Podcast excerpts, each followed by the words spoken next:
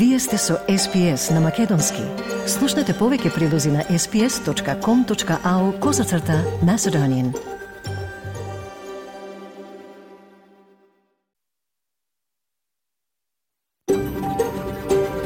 SBS, a world of difference. You're with SBS Macedonian on mobile, online, and on radio. Вие сте со SPS на Македонски, на мобилен, преку интернет и на радио.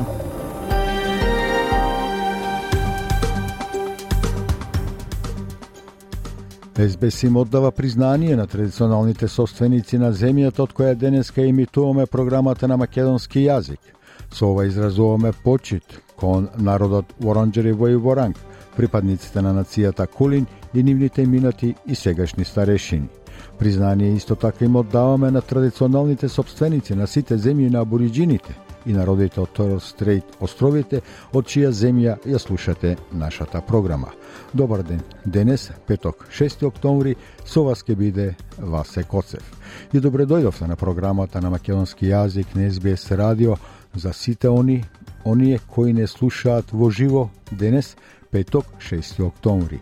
Исто така ги поздравуваме и оние кои оваа репризна програма ќе ја слушат за прв пат утре, сабота, 7 октомври од 12 часот.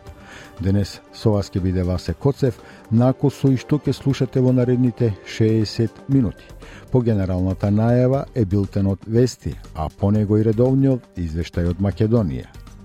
Имаме и прилог за непрофитната организација Medicine Construction, која се обидува да ја подигне свеста за менталното здравје и да спречи самоубиства во градежната индустрија. А на само една недела пред гласањето на референдумот за домродниот глас до парламентот, во Известна Македонски се обидовме да го измериме пулсот на македонската заедница за ова важно прашање. Програмата ја продолжуваме со најновиот Билтен Вести и колешката Ана Аврамовска.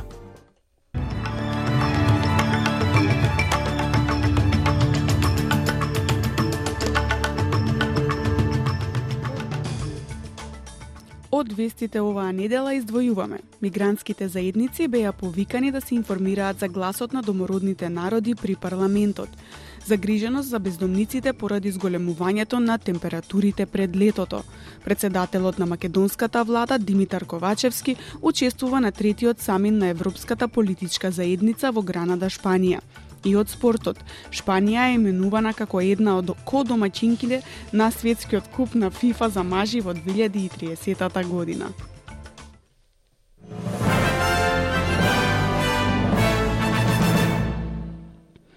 Предвременото гласање за домородниот глас во парламентот е во текни цела Австралија по отворањето на предизборните места во Нов Јужен Велс, австралиската престолнинска територија, Квинсленд и Јужна Австралија.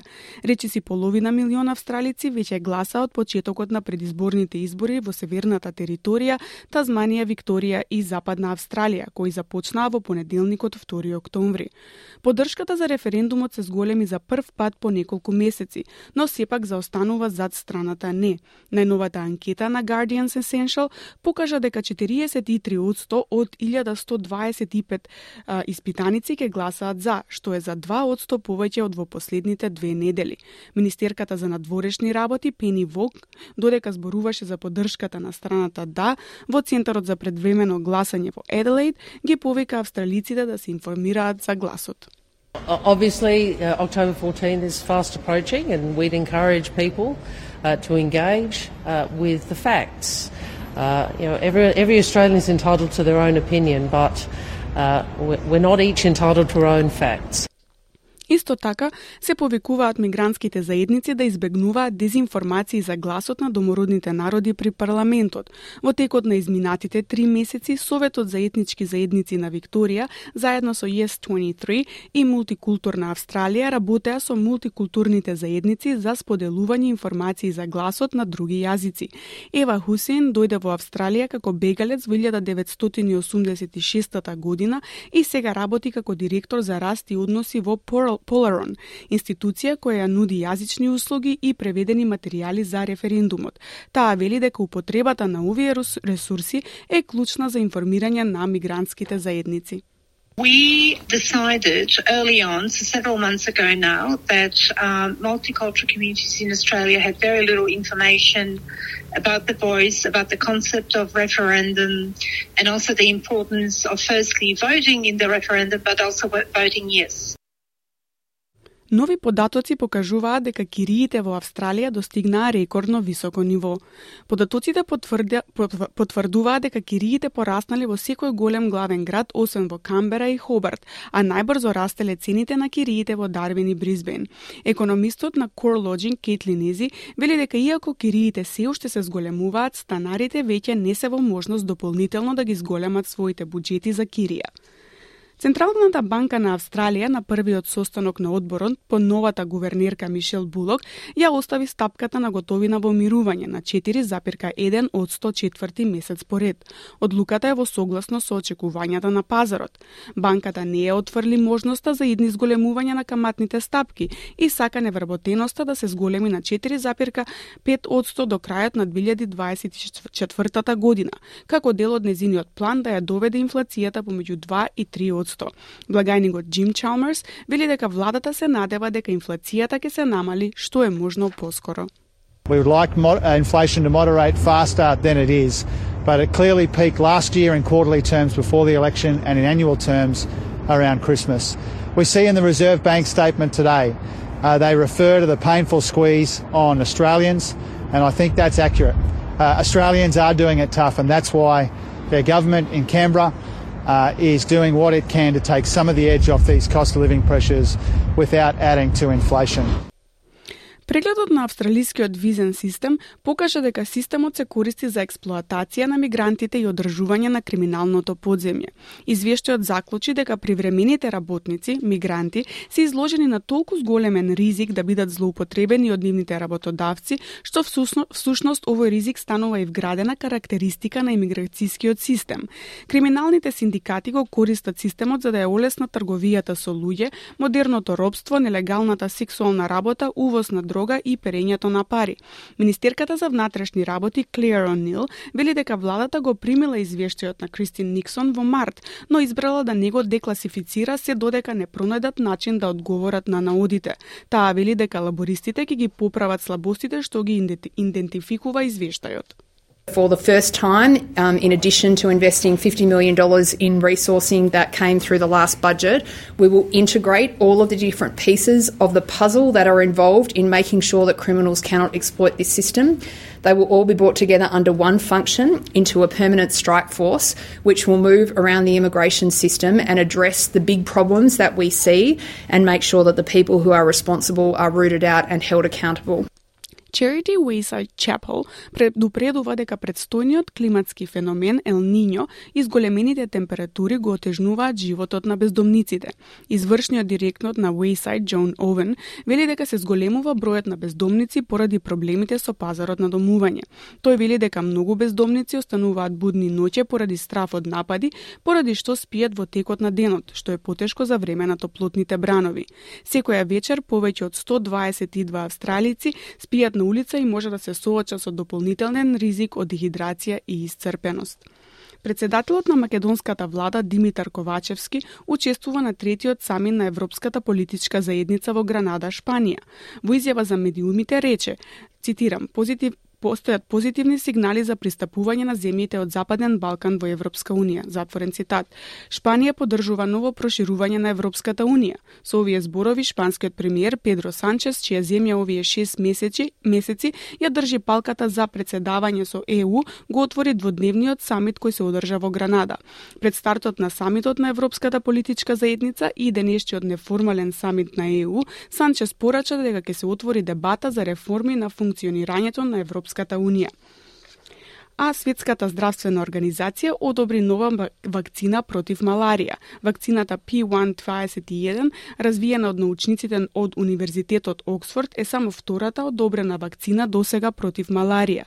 Светската здравствена организација рече дека иако предходната вакцина е исто така ефикасна, новата вакцина може да се произведува во многу поголем обем и ќе им се подони за земјите како поевтина опција. Генералниот директор на организацијата Теодрос а, Ном Гебре Јесус вели дека вакцината представува пресвртница во третманот на болеста. In areas with seasonal transmission, it reduced symptomatic cases of malaria by 75% in the 12 months following a three dose series of the vaccine. A fourth dose given a year after the third was shown to maintain protection. As a malaria researcher, I used to dream of the day when we would have a safe and effective vaccine against malaria. Now we have two. Земјите од Европската Унија постигнаа договор за ревизија на мерките што може да ги превземат во случај на масовно непредвидено движење на мигрантите кон нивните граници. Пактот за миграција и азил вклучува преместување на некои луѓе кои пристигнуваат во државите кои се наоѓаат на првата линија, како што се Грција и Италија. Исто така пактот бара од земјите кои одбиваат да примат баратели на азил, како Унгарија и Полска, да им платат на оние земји кои што го прават тоа.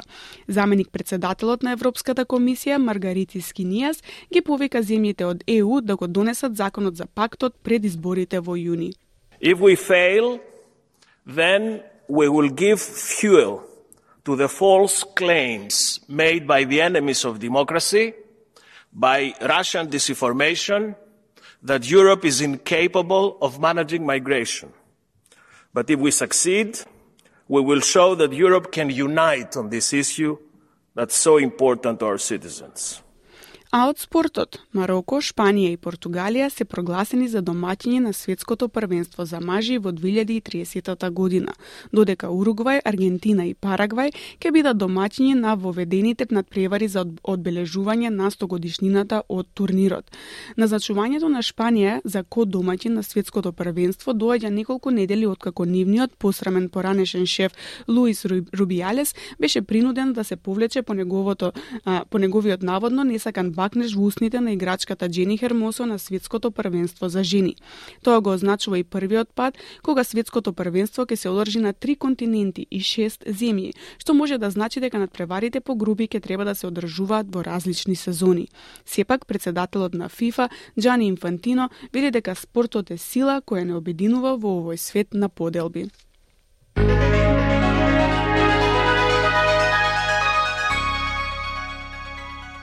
Од најновата курсна листа за денес, еден австралиски долар се менува за 0,60 евра, 0,63 американски долари и 36,80 македонски денари, додека еден американски долар се менува за 58,24 македонски денари, а пак едно евро се менува за 61,1 македонски денар од временската прогноза за главните градови за утре сабота 6 октомври.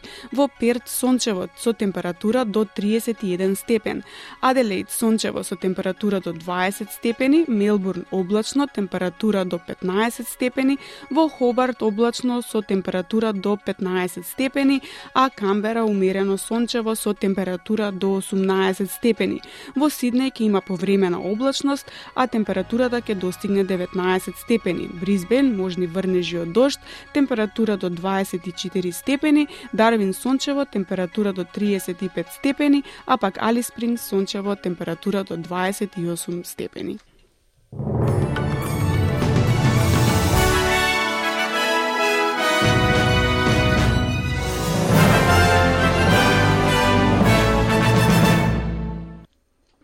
На програмата на македонски јазик, не без радио, ги слушавте најновите вести со колешката Ана Аврамовска. А, пред да го слушнете првиот блок маркетинг, почитувани да ве подсетам дека SBS го ажурира својот распоред на радио. Веќе знаете, неколку пати најавивме дека од 5 октомври ви носиме 6 програми неделно, Можете да не слушате во живо од понеделник до петок, со реприза во сабота во 12 часот на SBS 1. Токму и денешнава програма, која што ја имитуваме во петок, ќе можете да ја слушнете утре, односно за оние кои не слушаат веќе во сабота денес, во 12 часот точно напладне. Инаку SBS на македонски можете да слушате на радио во 12 напладне, преку дигитална телевизија на каналот SBS Radio 1, преку интернет на sbs.com.eu косацрта Macedonian и апликацијата за мобилни SBS Radio. Слушате SBS радио, програма на македонски јазик со вас Евасе Васе Коцев. Следува извештајот од Македонија денес подготвено нашиот сработник Милчо Јовановски. Известува на повеќе теми, меѓу кои и за тоа дека председателот на владата Димитар Ковачевски учествува на третиот самит на Европската политичка заедница во Гранада, Шпанија. Председателот на опозицијската ВМРО ДПМН, Христијан Мицкоски, бара од премиерот Ковачевски да свика лидерска средба за изборите. А премиерот Ковачевски, Ковачевски со одговор, терминот за изборите е законски регулиран, но уште во понеделник може да ги изгласаме уставните измени па да одиме на избори одговорот на Ковачевски. Ексминистрите за здравство наредната недела први на распит пред анкетната комисија за случајот онкологија. Пообширно за овие настани во извештајот. SBS. SBS. SBS. SBS. SBS. SBS Radio. Шпанија поддржува ново проширување на ЕУ. Со овие зборови шпанскиот премиер Педро Санчес, чија земја овие 6 месеци ја држи палката за председавање со ЕУ, го отвори дводневниот самит кој се одржува во Гранада, а на кој учествува и македонскиот премиер Димитар Ковачевски. Пред на самитот на Европската политичка заедница и денешниот неформален самит на ЕУ, Санчес порача дека ќе се отпори дебата за реформи на функционирањето на ЕУ. Од Гранада, премиерот Ковачевски порача дека Македонија се наоѓа во одлична позиција и покрај тоа што уставните измени засега се во собраниски чорцокак. Ние мислам дека се наоѓаме во одлична позиција со оглед на тоа дека минатата година ги отпочнавме преговорите со Европската Унија, Од друга страна, Европската Унија има стратешки интерес и веќе отворен процес за свое прилагодување, што значи дека ќе постои динамика и на страната на земјите на кандидати за членство, пред се тука мислам на земјите од Западен Балкан, вклучително и на Северна Македонија, меѓутоа и динамика внатре во Европската Унија во однос на прилагодување на функционирањето со повеќе земји членки. Македонскиот премиер беше водржан за коментар околу документот, познат како француско-германски предлог, но оцени дека тој е позитивен за Македонија и за земите од регионот. Цитирам, Веќе ми е јасно на сите дека Германија и Франција имаат изработено работен документ кој се однесува на стратешките промени кои што треба да се направат. Јас тоа не можам да го коментирам во моментот, бидејќи станува збор за работен документ, а не финален документ. И затоа ќе оставам тие да го коментираат, иако го имам видено и сметам дека тоа што стои како предлог во самиот работен документ е позитивно за нашата држава и за земите од регионот изјави Ковачевски. Бугарскиот премиер Николај Денков по средбата со германскиот канцелар Олаф Шолц во Гранада изјави дека разговарале за Западен Балкан и за тоа дека земјите во него треба да се интегрираат како полноправни европски држави. Цитирам, Ова има своји специфични тешкоти, но мора да работиме заедно со нив и тие успешно да ја најдат својата иднина во Европа, истакнал Николај Денков. На номинатско прашање за европската интеграција на Македонија, германскиот канцелар Шолц изразил надеж дека тоа ќе се случи во тесна соработка со Бугарија. На вице-премиерот за европски прашања Бојан Маричич во Скопје формално му беше врачен документот до напредување на постепената интеграција за Западен Балкан од страна на амбасадорот на Република Австрија во земјава Мартин Памер. Ова внесува нова динамика на преговарачкиот процес и ја прави уште подостижна нашата цел за членство во ЕУ до 2030-та, рече Маричич на состанокот. Тој изрази благодарност и очекување дека ЕУ и државите членки ќе го поддржат и потекна забрзувањето на евроинтеграцијата на целиот регион. Поред документот, забрзаната интеграција ќе се реализира преку институционални инструменти, финансиска поддршка и постепена политичка и административна интеграција, кои предвидуваат редовно неформално учество на државите од регионот на состаноците на Советот на ЕУ и други работни групи, каде што се дискутира на теми о заеднички интерес и дејствување, како и предвремена интеграција во одредени области на единствениот пазар на ЕУ. Динамизацијата на реформите се планира да се вклучи со финансиска поддршка, преку големена поддршка за зајакнување на капацитетот за абсорбција на ИПА и конзистентен пристап во надворешното финансирање на ЕУ за земите кандидати и потенцијалните кандидати, вклучително и поблиска соработка со меѓународните финансиски институции, известуваат о секретаријатот за европски прашања. На СБС слушате вести од Македонија. Опозицијскиот лидер Христијан Мицковски со повик до премиерот Ковачевски бара лидерска средба за намаса да се стават парламентарните и председателските избори, датум на одржување, техничка влада, мониторинг и изборен законник. Во овие повеќе од три децени не се случило да нема лидерска средба на која што ќе се договорат термини за тие избори, не се случило да нема разговори во кои што ќе се дефинира изборниот законник, затоа што таму има препораки од ОПСИ и ОДИХР технички кои што треба да бидат имплементирани, некаде околу 12 напред. Не се случило 6 месеци пред пред избори да не биде упатена покана до мониторинг мисијата на ОПСИ и ОДИХР треба да се дефинира дата за техничка влада. Мицковски пред новинарите коментираше дека кај премиерот проработел Фројд. Всушност тој коментираше изјава на Ковачевски, оти нема разлика во политичките ставови меѓу актуелниот и поранешниот лидер на партијата ВМРО ДПМЛ Никола Груевски, туку станува збор за мал и голем Груевски, кој владее во опозицијската партија. Кај господинот Ковачевски Фројд проработел, може би тој има лична фрустрација од мали работи. И поради тоа прави споредба со тие мали работи. Јас би го советувал дека тие мали работи кои што предпоставувам него го фрустрираат, не треба да го фрустрираат. Треба да гледа од позитивната страна на, на тоа, бидејќи уште за малку време ќе биде таму каде што е, а потоа и ќе, и ќе замине. А некои мали работи кои што представуваат негова лична фрустрација, за жал ќе мора цел живот да ги носи. Барањето на лидерот на ВМРО ДПМН е Христијан Митковски за лидерска средба во врска со предстојните избори, премиерот Димитар Ковачевски од Гранада го оцени како штенна во низа барања за договарање на нешто што е регулирано со закон, бидејќи како што кажа и парламентарните и председателските избори ќе бидат во својот редовен термин, а нивното држување е законски дефинирано. На Ковачевски кажа оти во моментот државата има многу поважен процес од избори, а тоа е носењето на уставните измени.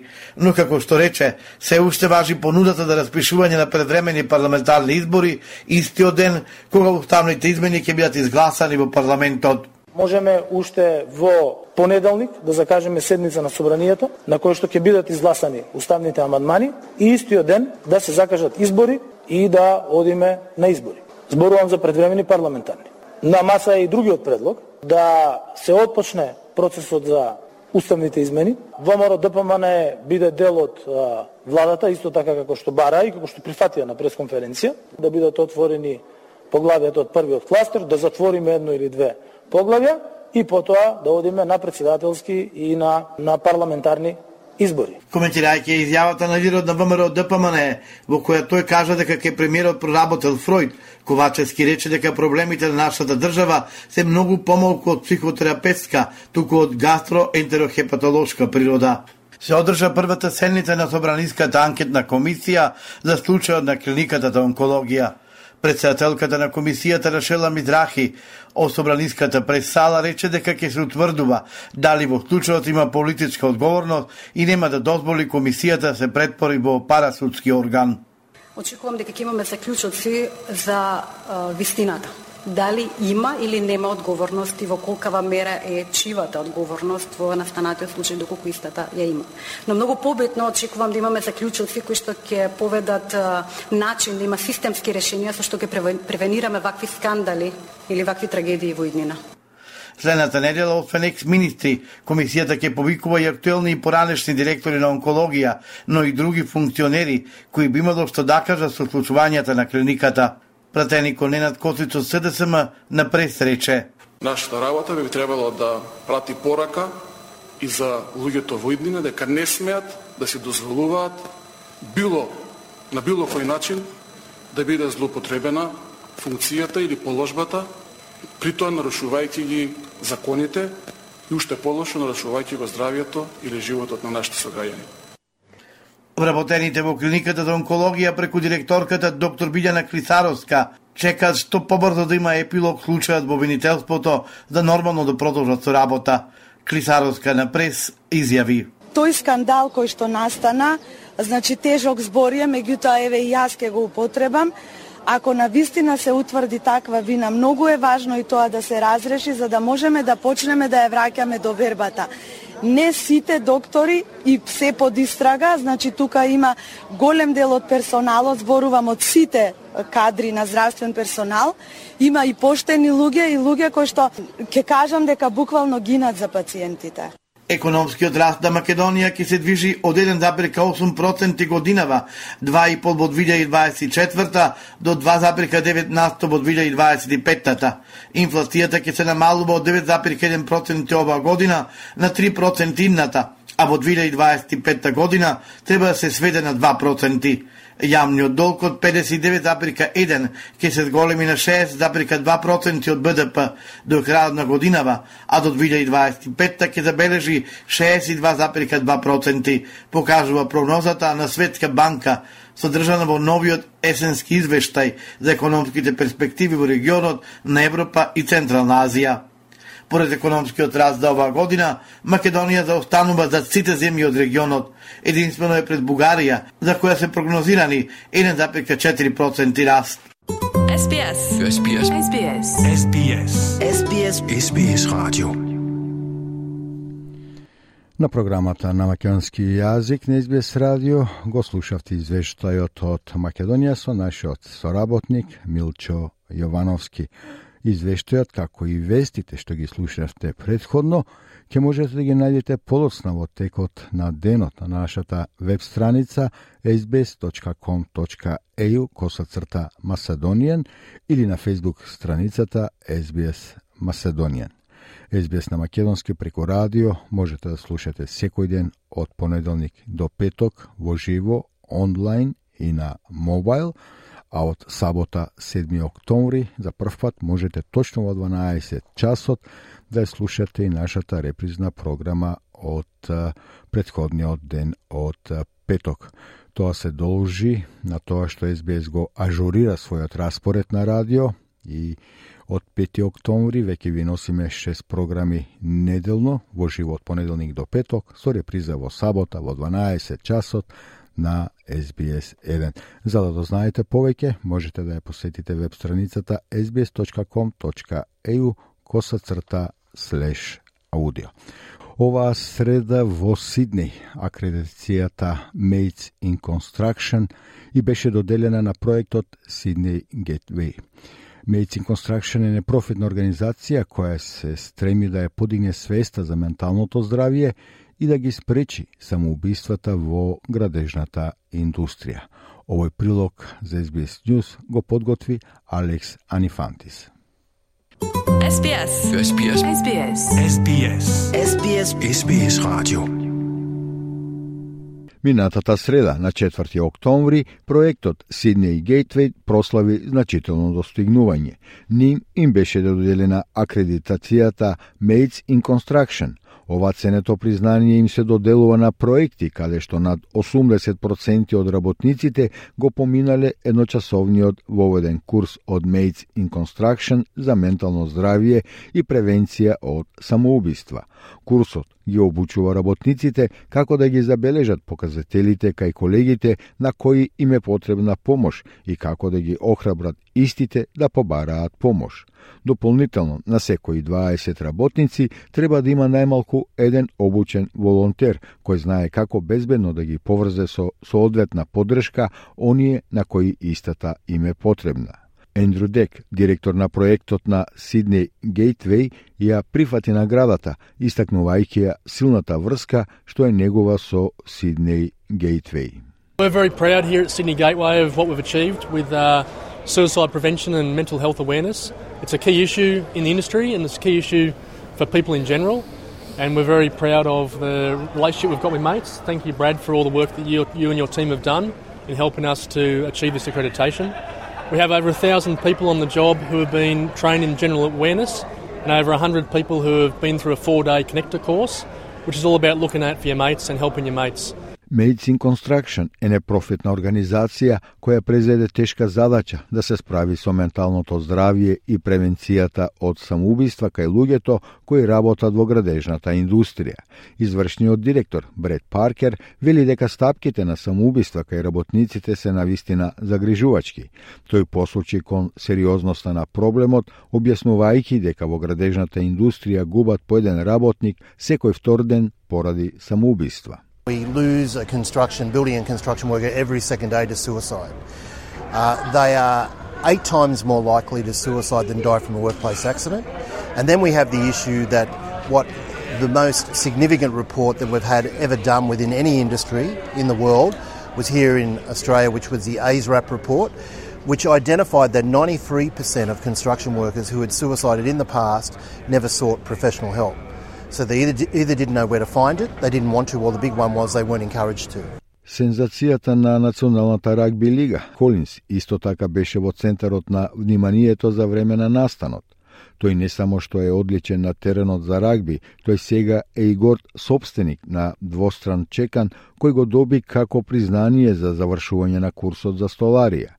Надвор од спортот и столаријата, Колинс се истакне и како амбасадор на Мејц на Националната рагби лига, бидејќи се сосредочи на подобрување на менталното здравје. Тој верува дека повеќето од работниците сега ги споделуваат своите чувства. Сепак, програмите како Mates in Construction уште повеќе ја подигнуваат свеста кај луѓето за оваа значајна тема. Тој објасни дека времињата се менуваат, истакнувајќи дека, иако во минатото чувствата не биле отворено дискутирани на работните места, на моменти со другите работници имале кратки разговори за време на паузите, сепак Останувало само на тоа и овие разговори не воделе до дополнителна грижа, па Колинс ги пофали Medicine Construction за нивниот уникатен пристап, нагласувајќи колку е важен начинот на кој ги едуцираат работниците активно да реагираат и дополнително да проверуваат како се колегите кои со нив ги споделиле своите грижи и проблеми. Yeah, I think it's becoming more apparent in these days with programs like Mates as well, and Um, but yeah, growing up, especially on the work site, uh, you didn't really talk about your feelings too much. But um, you know, there was always the smoko chats and stuff like that, which were yeah something if you needed to get off your chest. But I guess there probably wasn't really ever a follow up after that as well, which is probably one of the big things about mates is is um, creating knowledge through other workers to sort of realise that and then potentially follow up on what they're hearing from different mates in their industry as well.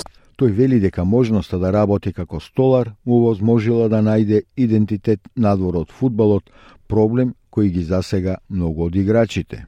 I think it's um, a real big thing, and it's something that I was having a conversation with Maggie earlier. It's um, you're up here, and then uh, you're back down here after football, and um, you can get a little bit lost and sort of not know your purpose as well. And I think that's what it's about in this period now is trying to find your purpose outside of football and not being just identified as a football player sort of thing. So, um, you know, for me it was a carpentry and then sort of got a plan and a strategy and now it's just about putting those things in place so that that transition is smooth.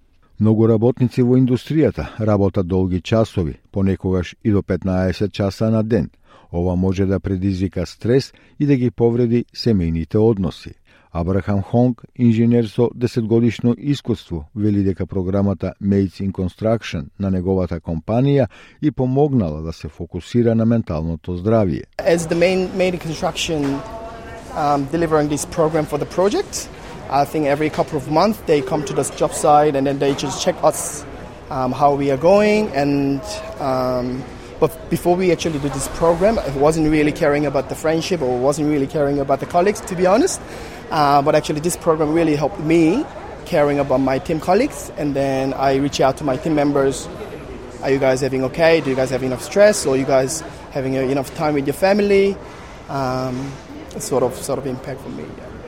Megi Pierce, zastupnik na Mates for Construction, go zagobi svoje 21 годишен син поради самоубиство во 2018 година. Таа вели дека загубата длабоко влијаела на незиното семејство и пријателите. It's impacted my daughter and myself. Um, his dad also passed away because he felt that he couldn't go on without his son. Um, the impact's been far reaching. Family, friends, they all miss the beautiful son, uh, my, my beautiful son, as much as I do. Меги Пирс вели дека мажите треба послободно да зборуваат за своите проблеми. Таа нагласува дека е важно за мажите во општеството да ги прифатат и да ги признаат нивните предизвици и е од витално значење да знаат дека имаат некој на кого ќе можат да му се доверат. Споделувањето на проблемот го намалува неговиот товар, вели Меги Пирс, а целта на се ова е да се зачуваат повеќе млади животи. We need to really educate our men in our society that it's okay to acknowledge that they have problems, but also I'd like them to reach out and just find that one person that they can talk to. A problem shared is a problem halved, and we need to save more young lives. Програмата Mates in Construction е корисна за многумина во индустријата, но предизвиците и понатаму постојат, посебно за работниците на кои англискиот не им е мајчин јазик и кои се соочуваат со бариери за комуникација. Господин Хонг, кој доаѓа од мигрантско потекло, препознава дека некои поединци на работното место имаат проблем да комуницираат со своите колеги. Сепак основната идеја за Mates in Construction е единството и соработката и визијата дека сите работат заедно безбедно. Definitely, there are some people on site having a bit of difficulty um, working with different people and talking in different language. Might be a bit of language barrier there too. Um, but we are here to support each other, and plus the main message from the Made in Construction, we're here to support, working together um, to deliver the job safely um, all together. Во Сиднеј, сите на настанот се согласија дека сакаат работна средина, каде што луѓето ќе можат да ги споделат своите грижи. Ако вие или некој што го познавате има потреба од подршка, контактирајте со Lifeline на 131114, Колбек службата за самоубиства на 1300 659 467 и Kids Helpline на 1800 55 1800 за млади луѓе на возраст до 25 години. Повеќе информации и подршка за менталното здравје се достапни на aboveblue.org.au и на 1300 22 4636. Embrace Multicultural Mental Health им помага на луѓето од културно и јазично различно потекло. SBS. SBS. SBS. SBS. SBS. SBS Radio. Токму така, вие сте со SBS радио и програмата на македонски јазик, што току го слушнавте прилогот дека оваа среда во Сиднеј акредитацијата in Construction и беше доделена на проектот Сиднеј Gateway Инако Medicine Construction е непрофитна организација која се стреми да ја подигне свеста за менталното здравје и да ги спречи самоубиствата во градежната индустрија. Пред да го слушнете и последниот блок маркетинг за денешната програма, почитувани да ве подсетам дека на нашата Facebook страница SBS Macedonian или на нашата веб страница sbs.com.eu косацрта Macedonian можете да ги најдете сите интервјуа, прилози и видеоклипови на теми како што се македонската култура, наследство, спорт, музика, политика, македонски јазик и други теми. Се враќаме повторно во студиото и ќе го започнеме прилогот кој што го најавивме пред рекламниот блог дека на само една недела пред гласањето на референдумот за воведување на гласот на домородните народи при парламентот, во избес на македонски се обидовме да го измериме пулсот на македонската заедница во Австралија по ова важно прашање. Ке чуеме како размислуваат дел од представниците на заедницата кои имаат став и кои се согласија да ни дадат изјава на темата но исто така ќе се подсетиме и за техничкиот аспект на гласањето. А, прилогот го подготвија колишките Ана Аврамовска и Маја Талеска. Да го слушнеме.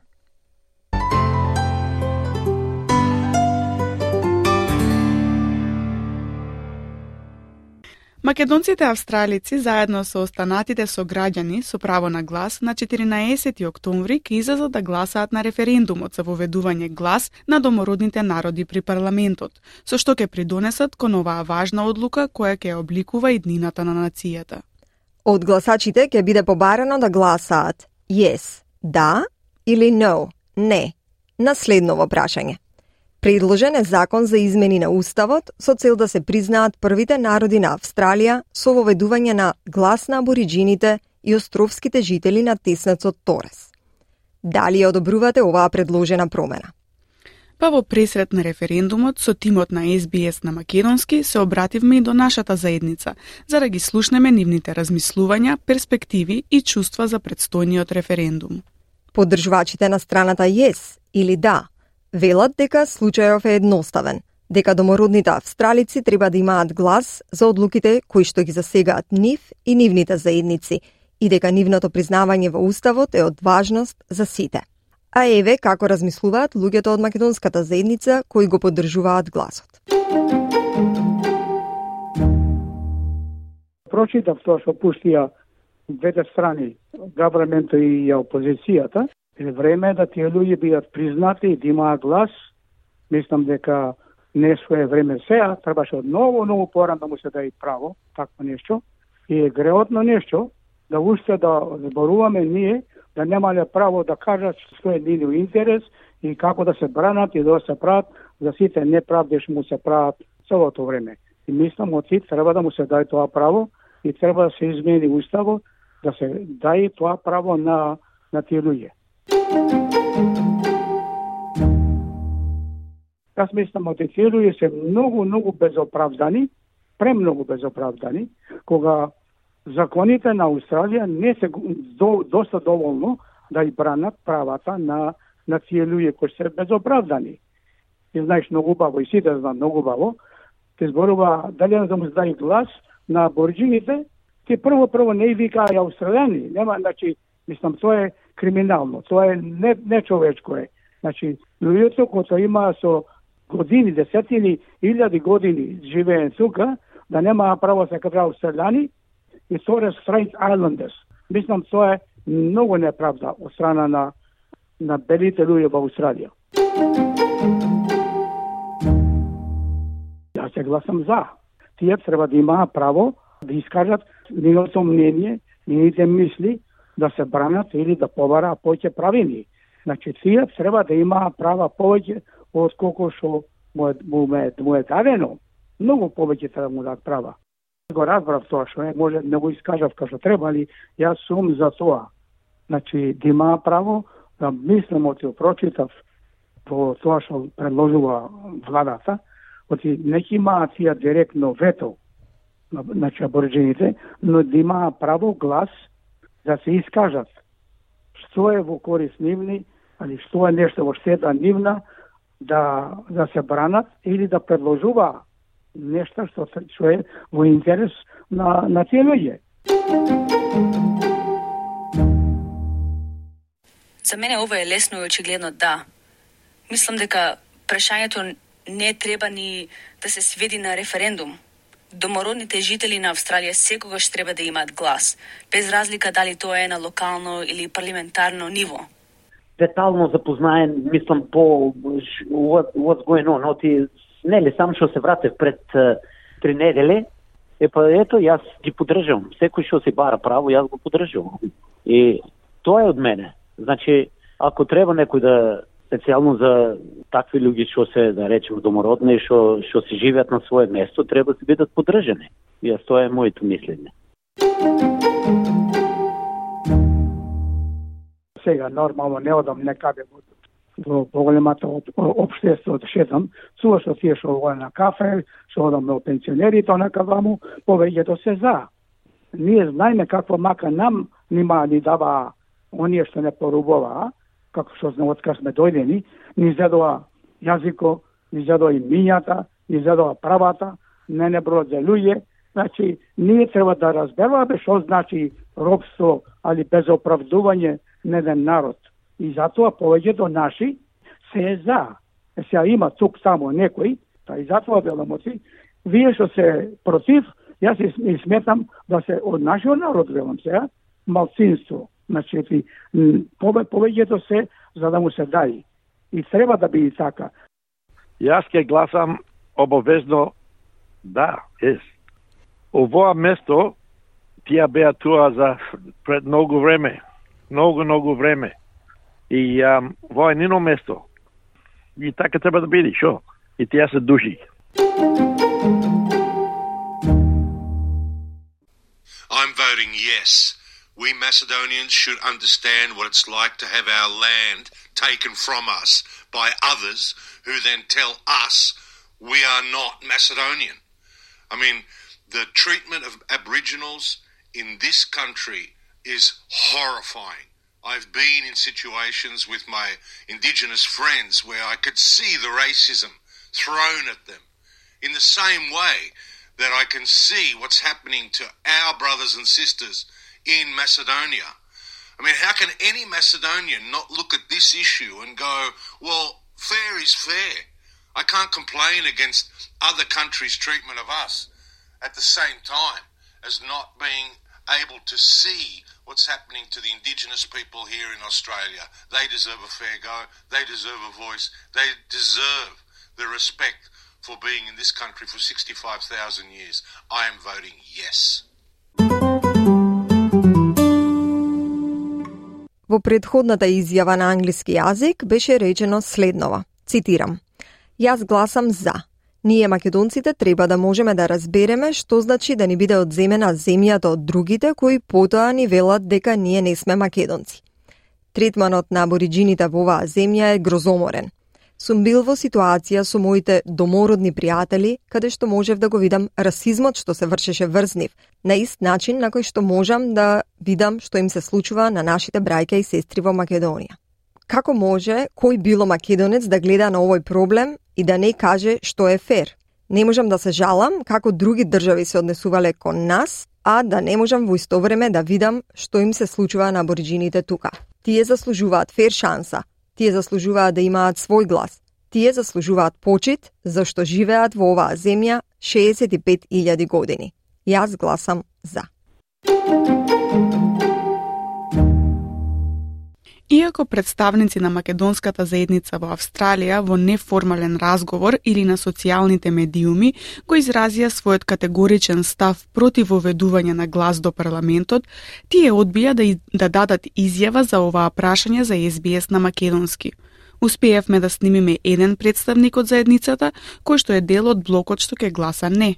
Тој го изрази својот сомнеж за тоа како ќе функционира гласот ја не можам да го дадам мојот глас за овој случај кога многу малку информации имам, ја не би го дал мојот глас за позитивно и се придружувам на тие кои што нема да гласат позитивно. Немам доволно информации и тоа информации, релевантни информации. Ставот мој, мислењето мое негативно. Многу е неизвестно тоа за иднината, оти да не се појават многу, многу други барања од а, нивна страна, па да не можеме ние да ги прифатиме. Оти Но... мислам, се уште им треба време на абориджаните да ги сватат условите, да сватат што направила заедницата австралиска за нив, како благодет им дала, за да можат они да барат нешто повеќе од тоа. Дел од аргументите на страната не велат дека телото ќе биде само символично, а за да се поправат системските проблеми со кои се соочуваат домородните заедници, би било потребно тело со вистинска моќ. Уште една причина од активистите на страната не и дека владите можат да ги игнорираат советите на ова тело доколку не им се допаѓаат. Еден од аргументите на кампањата против е дека гласот до парламентот ќе ја подели нацијата. Понатаму, тие аргументираат дека еден закон треба да важи за сите граѓани но и многумина од луѓето со кои разговаравме се уште немаат одлучено како ќе гласаат на референдумот, истакнувајќи дека им се потребни повеќе информации за да донесат информирана одлука. Гласањето на референдумот за воспоставување домороден глас во парламентот е задолжително, па да се подсетиме на разговорот со Елена Димчевска, двојазичен представник од Австралиската изборна комисија за техничкиот аспект на гласањето, односно како да важи вашиот глас на референдумот. Референдумите се задолжителни, исто како и изборите. Сите гласачи гласаат со пишување yes или no на англиски јазик во квадратчето на нивното гласачко ливче, како одговор на прашањето што со кое се предлага промена на уставот. А, за референдуми резултатот е обврзувачки, доколку се прифати референдумското прашање, владата може да постапи според одлуката и уставот се менува. Исто како сојузните избори, референдумите ги спроведува Австралиската изборна комисија или AEC. Повеќе информации за процесот на гласање слушнете во целост од разговорот со Елена Димчевска на нашата веб страница sbs.com.au косацрта Macedonian.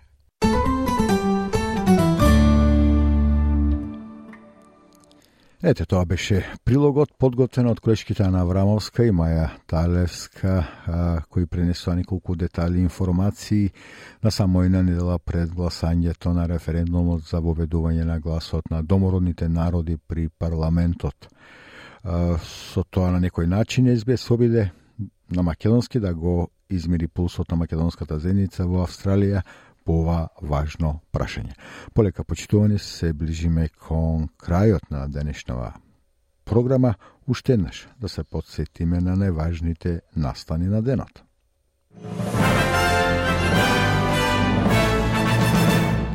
Мигрантските заедници беа повикани да се информираат за гласот на домородните народи при парламентот. Загриженост за бездомниците поради зголемувањето на температурите пред летото – Председателот на македонската влада Димитар Ковачевски учествува на третиот самит на Европската политичка заедница во Гранада, Шпанија. И Шпанија е една од земјите именувана како кодомакин на светското првенство во фудбал за мажи во 2030 година.